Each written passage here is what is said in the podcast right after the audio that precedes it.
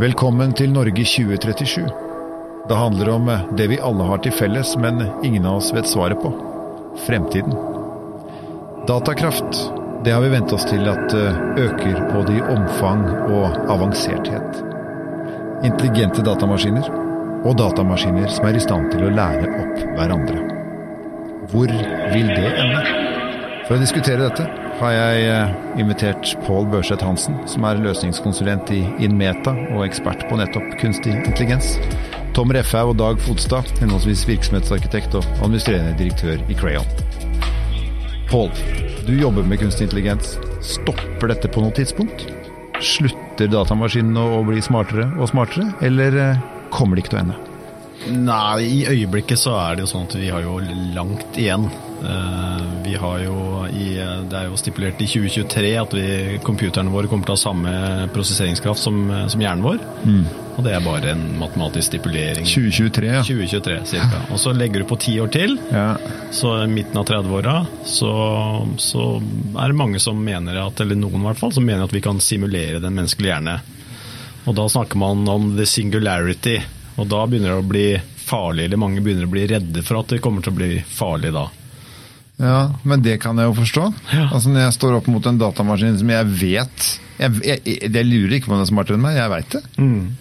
Eh, og den har lært av en enda smartere datamaskin eh, til venstre oppe i skya si, og så har den eh, snakka med en fjerde en også. Ja, og da går Hvor det, blir det av meg da? ja, da går det fort, eh, og det er jo mange som er redde for at vi får en, eh, ja, en middelklasse da, som blir ute, ute av arbeid eh, i denne fjerde generasjonen, eh, eller fjerde eh, Revolusjonen. revolusjonen, takk. Fjerde revolusjonen som vi er inne i nå.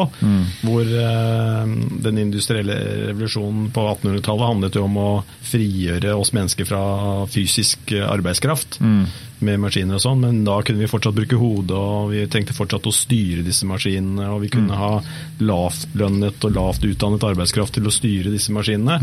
Mens nå tar de over eh, den tenkende arbeidet vi gjør, eh, og da begynner maskinen å kjøre selv busser, biler og trucker og Ja. alt mulig å kjøre selv og gjøre ting selv. Og da blir det hva, hva skal du da med den, den, den klassen eh, som ikke har utdannelse, og som ikke kan eh, være med å lede det toget der? Hva skal du med noen til å fylle opp hylla på Kiwi når maskinene vet hvor det er tomt og går og ordner det? Nettopp. Mm. Eller kanskje de ikke går, trenger å gå på Kiwi eller Tom? At de kan uh, bare kommer jo bare rett hjem til det. Ja. Blir dumpa i en drone ned i hagen din. Du bare lokker opp vinduet og så ut med handa, så har du middagen med en drone, ikke sant? Tror vi på dette? Ja, dette tror vi på. Hvorfor det? Eh, For vi, vi vil ha det sånn, da. Ja, det er et godt eh, og relevant spørsmål, så Ja. det syns jeg man både skal diskutere og Men mutter'n vil ha papiravis, Ja. og den sier at hver gang at ja, men den er så god å holde i, sier hun. Og jeg Datteren min skjønner ikke hva hun snakker om. Nei, men Mutter'n kan få den eh, papiravisen. Da må du ha den gamle printeren hjemme. Jo, men, er det, men ut. er det å gå på Kiwi og handle varene våre vår generasjons papiravis? Det kan det være. Så ikke at neste generasjon fatter ikke hva de skal bruke tid på å hente mat, liksom. Hallo? Kan godt hende det. Eh, I denne debatten rundt eh, Nå var Pål inne på hastighet, og det, det tror jeg det er helt essensielle her. Det går, kommer til å skyte ekstremt eh, stor fart og raskere framover enn noen gang bakover i tid. Så har vi det mellommenneskelige, da. Fortsatt er det menneskene som på en måte både vil sørge for at robotene med kunstig intelligens og hva som måtte være automatisering og alt det der, det er menneskene som vil styre det. Selv om mitt hode ikke er godt nok til å hjelpe til så veldig mye. Og så vil det være da et uh, uante muligheter rundt dette automatiserte verdensbildet noen uh, år framover. Men det er grunn til å være litt småredd for hva en uh, smart robot kan gjøre som du aldri kommer til å være i nærheten Ja, hva skal jeg være redd for?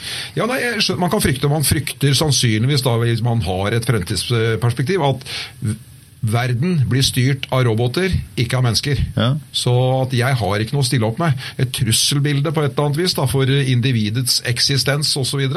tror jeg at det kommer ikke til, på en kommer måte. ikke til. Det er Nei. robotene som bestemmer hva du skal komme til eh, på hva, hvor og når. Mm. Og Det kan jeg kjenne på at eh, det går an å ha en frykt for, selv om jeg tenker at vel, så ille blir det ikke. Tom, så ille blir det ikke. Eh, Kan vi se for oss at kunstig, kunstig intelligens går så langt at den får en selvbevissthet?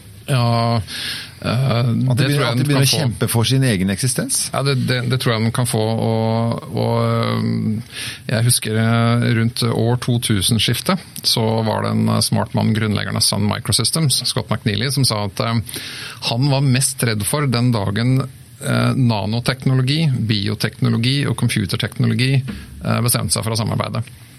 Fordi da er du i ferd med å lage noe som vi ikke har eh, sett før, eh, men som kan ta, kall det skikkelsen av og størrelsen av, eh, og være en, en, bevisst enhet. Er det der på en måte hybrid slutter å handle om Toyota, men også handler om folk? Da kan vi snakke definitivt om, om folk også, ja. Og det som er artig, Pål, det er jo at for 17 år siden så sa altså Scott McNeely at han regnet med at det ville være røftlig rundt 2030. Mm. Ja, ok. Og da tenkte jeg huff, det var deilig, for det er jo 30 år til. Uh, det er ikke det lenger. Nei, det er ikke det. Ja, Men hør etter, det er, det er nærmere enn som så. fordi at uh, Det som jo treffer deg og meg fortsatt, altså human beings, det er at vi må ha noe føde inn. Og så bor vi i noe hus og det med andre, vi trenger noe varme etc. Fysiske behov, ja. ja men noen mm. helt sånne basale eller primærbehov defineres det som. Mm. Og elektrisitet er én ting.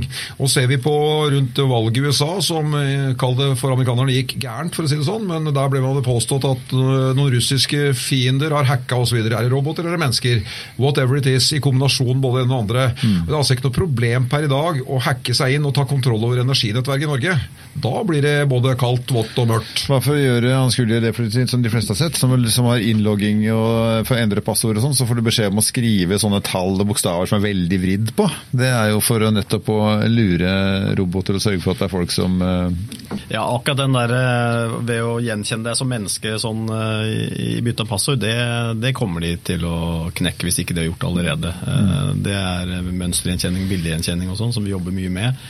Og Der har jo algoritmene kommet veldig langt. for Det, det vi ser nå, da, er at vi begynner å kunne lage veldig effektiv, smal kunstig intelligens, altså kunstig intelligens, machine learning-algoritmer som er veldig gode på én spesifikk oppgave.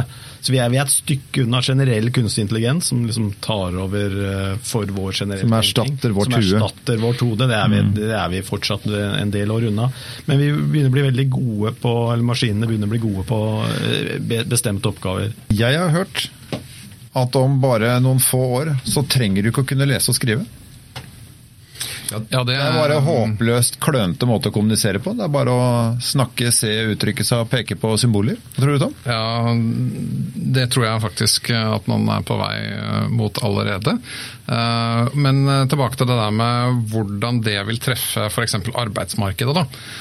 Så tenker jeg at På et eller annet tidspunkt så kan man tenke seg at det står en stillingsannonse et eller annet sted med undertittelen 'Humans need not apply'. Mm. Uh, og Da kan man allerede nå begynne å se for seg hva slags type mennesker, stillinger det er. Mennesker trenger ikke å søke. Nettopp. Nei. Og det, Jeg tror vi kan se noen eksempler på det allerede. Pål nevnte dette med, med, revisor og regnskap. Jeg tror det er bare starten. Jeg tror det er veldig mange andre ting som vi ser på selvsagte, kall det menneskeyrker i dag. Eh, som også kan bli overtatt av denne nye, kall det enheten, som på et eller annet tidspunkt eh, blir skapt. Ja. Det må jo ligge mye makt i da, å programmere dette? Ja, Det er to, to, problemer med det. Det ene er jo nummer én hvem kontrollerer eh, disse enhetene. Eh, og det er eh, dette med kontroll henger ofte sammen med eierskap. Sånn at hvem skal eie dette, og hvem skal styre det. Og det er vel en av de... Nå snakker vi om den kun kunstig intelligent og datakraften generelt sett i vår verden. Hvem er det som skal styre den? Eh, det, men også på et mer mikronivå. Eh, hvis du da f.eks. er et firma som holder på med denne kombinasjonen bioteknologi, nanoteknologi og computerteknologi, og du er i ferd med å lage noe som kanskje kan lære seg selv, eh, når stopper du den? Hvor går grensene?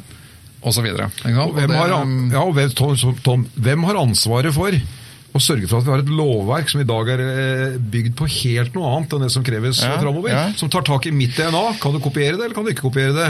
Og hvem sitter i førersetet på å sørge for at hva som er lov og ikke lov? Hvordan skal du ta ansvaret for å regulere samfunnet da, eh, på framtidig god måte versus men, i dag? Men, for der ligger problemstillingen i mitt hode. Men, det er vanskelig. Men her, eh, nå, nå, er vi inne på et politisk spor. For det er spørsmål om Jo, det er vi. Altså, Hvis dette er et markedsspor, så tror jeg de fleste har grunn til å bli smånervøse. Hvis vi sier at det er et politisk spor, at dette skal politikerne regulere til enhver tid.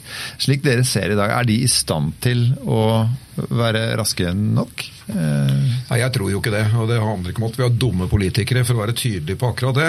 Det handler jo om at man eh, ikke er langt nok framme i skoa på å gjort ting raskt nok fram til nå. La meg bruke det andre ord, da. Det er jo dumt, Dag. Det kan vi være helt innom, for dette har man fått signaler på tidlig.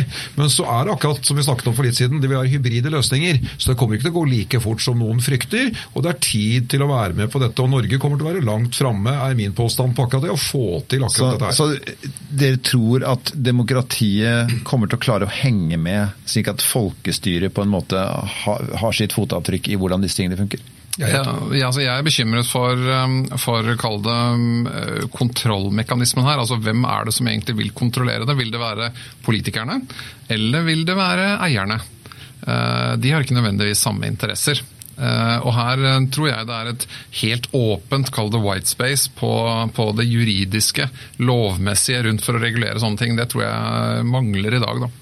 Men, men du har jo sånn som GDPR, det nye lovregulativet rundt personvern som EU eh, trer nedover hele EU nå, og som vi må virkelig ta på alvor fra 2018 nå. Eh, Det er en av de mekanismene som er, skal være med å sikre oss mennesker rettigheter på dataene våre, bl.a. at ikke de misbrukes osv.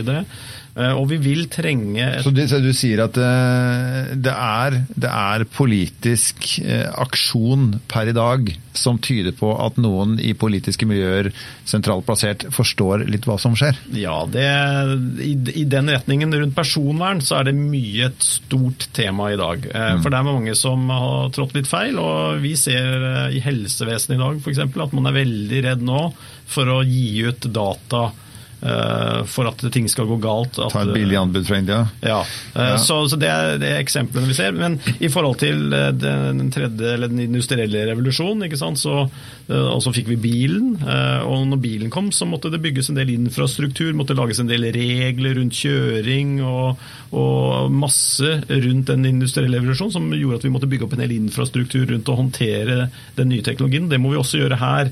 Det som er annerledes her i forhold til den fysiske revolusjonen eh, rundt industri, da er jo at det, er ikke så lett å ta og føle på. Eh, Og noen vil tråkke feil, noen går for langt. Og så vil eh, vi henge etter i noen områder, men jeg tror nok summa summarum at vi klarer å, å hanke oss inn der. Men det er mye etikk også, særlig den der generelle kunstig intelligens-biten.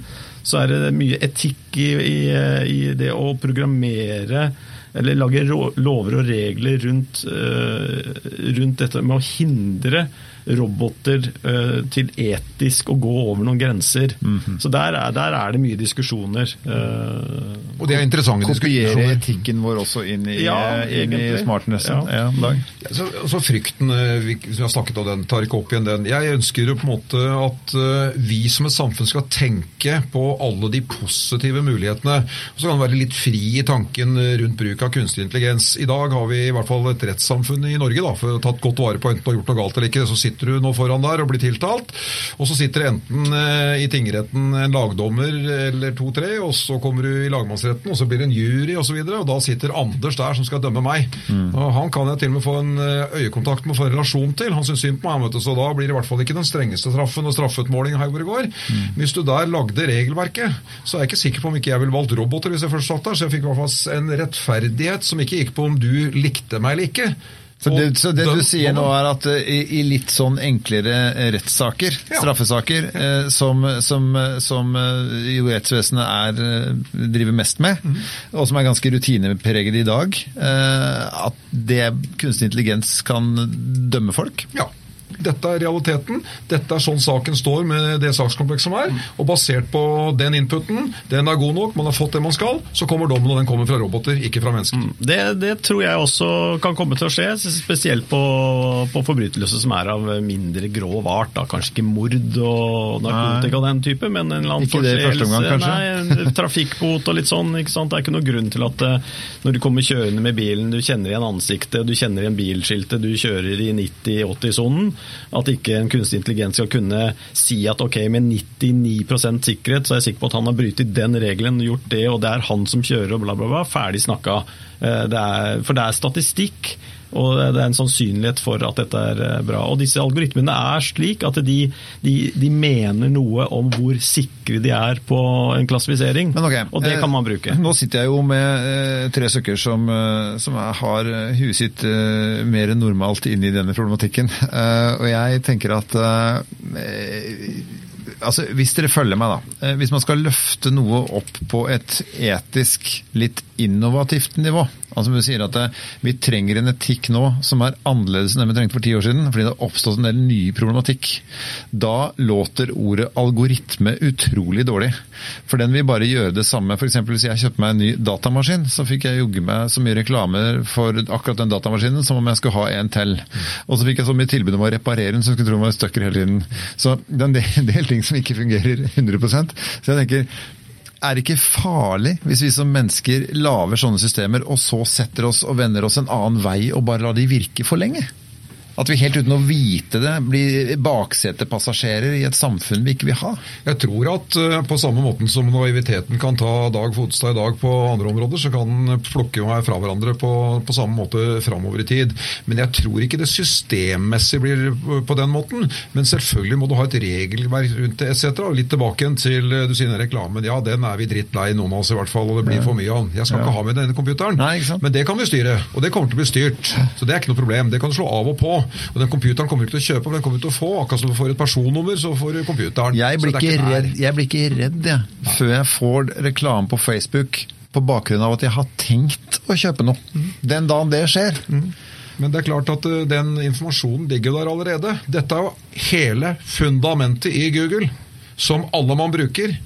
Altfor mye, sier noen, men du bruker det. Hvorfor? Hva er det du gjør der? Du stiller spørsmål til Google, mm. og fordi du stiller alle spørsmålene, så samler du på dette, og så kommer reklamen. Så jeg skjønner jo det, han er ikke dum. Vet du, Når du skal kjøpe den der berømte datamaskinen, du skal gjøre annonser framover, så er det jo der du annonserer, for der vet du at Høglund har vært, og han plukker opp fra den IP-adressen. og så du, du, Her har vi tilbudt Høglund, vet du, den uh, supre Apple-computeren der, den får du der nå til bang, og så har hun rett hjemme. For han vet at du har tenkt. Dette som kalles for big data? Det kan du godt si. Ja. Det er big data. vi, vi, har jo sett dette i praksis både på brexit og at Trump eh, vant valget nå. De, begge de to eh, eh, både nei-siden og Trump-siden brukte et firma i London som heter Cambridge Analytica, som gikk inn på Facebook og Twitter og samla alle likesene dine. Produserte et kart og kobla til personlighetsprofiler og ga det til brexit-gjengen.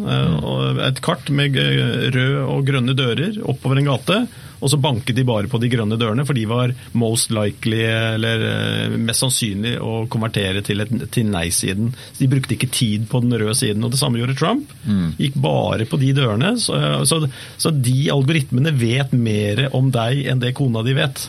Eh, og kanskje mer om deg enn det du selv er bevisst. Ja. Fordi, eh, fordi, vi velger og klikker og liker og holder på på sosiale nettverk, eh, og mye av det er ubevisst òg.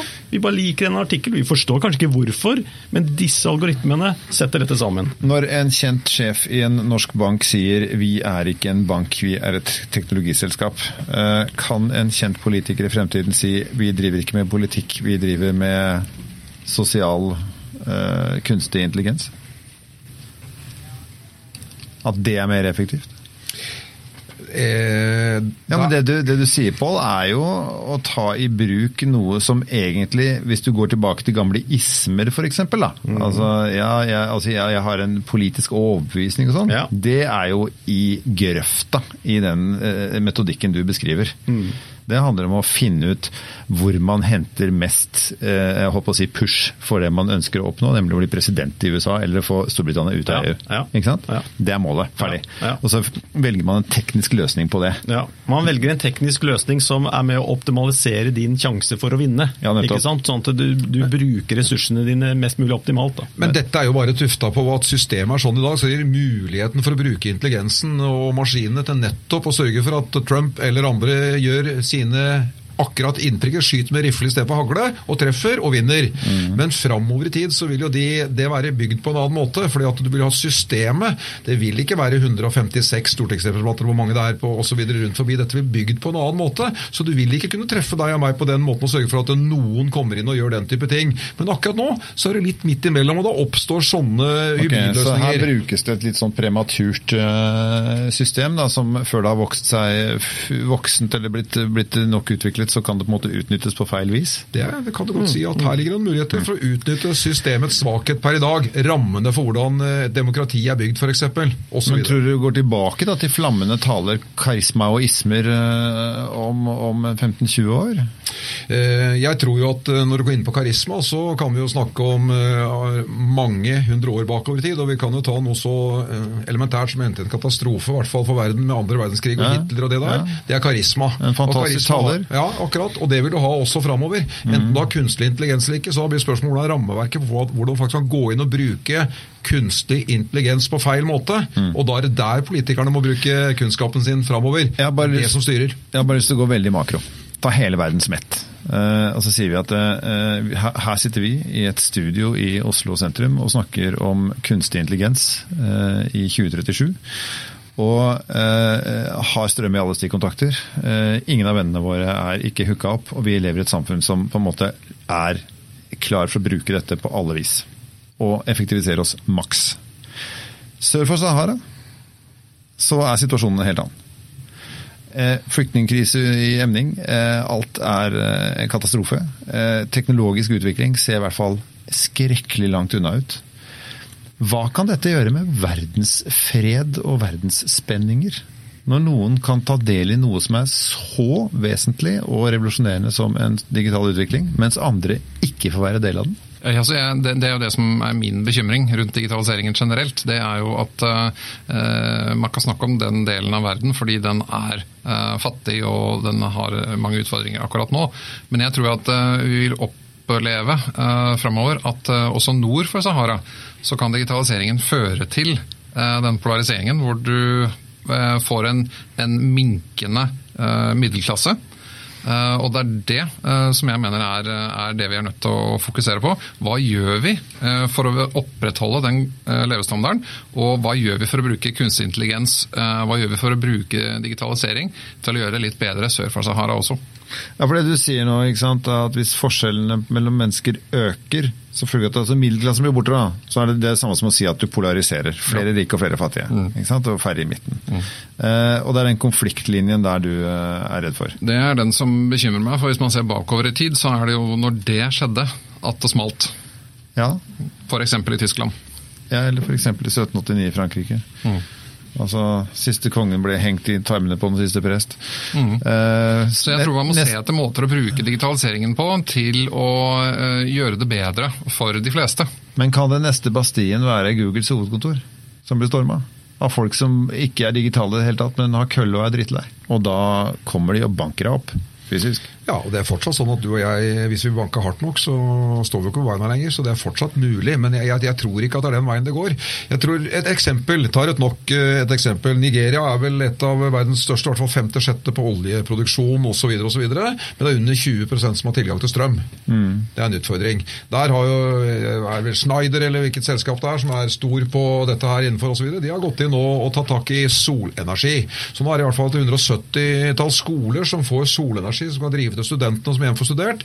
Og selv om det er litt, eh, skal vi kalle det Kanskje det er prematurt, da, men likevel, disse studentene som går der, som går på disse skolene per i dag, som får det via solenergi, og brukt kall det computer og det som skal til for å henge med i verden og få utdannelse, de har med seg, for de bor jo et sted hvor de ikke har strøm, så når de skal hjem igjen på kvelden eller etter skoletid, så har de med seg hodelykter på skolen, så overskuddsstrømmen går til å lade disse, så de faktisk kan studere når de kommer hjem og fortsette. Dette er veien videre til å bruke teknologi. altså Tenk positivt. Dette vil styre verden til et bedre sted for alle å bo. Og vann, saltvann til ferskvann, det kommer til å skje før du veit ordet av det. Bare Nestlé-sjefen holder smella, ikke si at eh, vann ikke er noe menneskerett. Helt riktig. Eh, Tom, eh, jeg så du vrei litt på deg når Dag snakka nå. Altså, kommer det automatisk til å bli til et bedre sted, eller? Eh, kommer de rike til å bli rikere og de store til å bli større? Eh, Jeg mener det er den veien det kommer til å gå. Der er ikke dere enige, med andre ord? Nei, jeg skulle ønske at jeg trodde på Milton Friedmans fri fri markedsøkonomiteori fra 70-tallet enda, men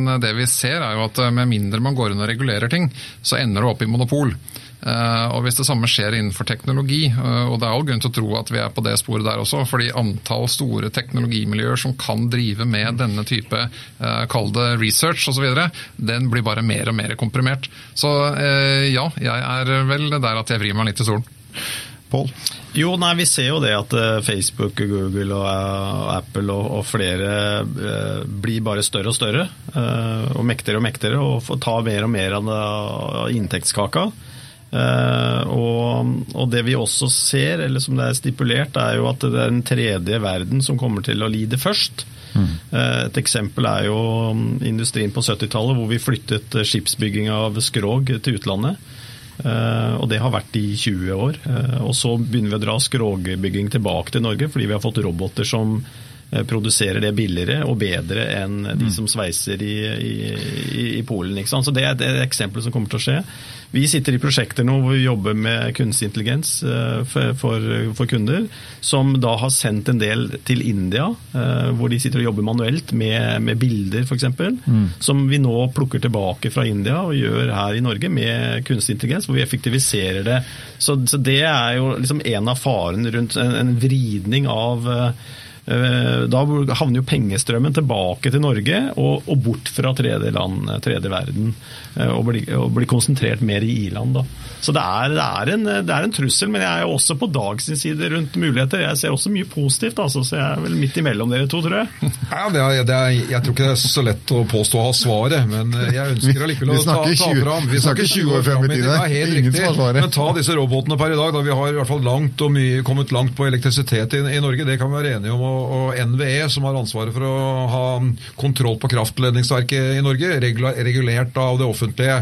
Der har det vært helikoptre som har flydd over, for det er pålagt å ha bilder, bla, bla, bla. bla, ikke sant? Sikkerhet og det ene med andre. Det er nå robotifisert i den forstand at det er droner som gjør jobben. Der det sitter manpower, en to, tre, fire årsverk, som på årsbasis har sett gjennom disse bildene med tanke på vedlikehold og sikkerhet osv. Skanner 150 000 bilder i året. Ved det som f.eks. Pål jobber med, algoritmene og ta datamengdene som må gjøres med droner, så får du real time den dataen tilbake igjen. Det som fire hoder gjør 150 000 bilder på et år fram til dagens dato, det gjør altså algoritmen og kunstig intelligens satt i system på én time. Og da får du altså redusert tap av energi eh, med 30% og som igjen bør føre til regulert på riktig måte fra det offentlige, billigere, mer strøm til flere, og sånn kan du tenke et verdensbilde også. Da spørs det da, når de fire som satt og kikka på de bildene, ikke har jobb lenger, da spørs det hvor viktig det var at strømregninga gikk ned med 30 Takk til Pål Børseth Hansen, løsningskonsulent i eh, Inmeta. Tom Refhaug og Dag Fodstad, henholdsvis virksomhetsarkitekt og administrerende direktør i Crayon. Det fins flere podkaster i Norge 2037-serien. Jeg heter Anders Høglund. Vi høres i nær fremtid.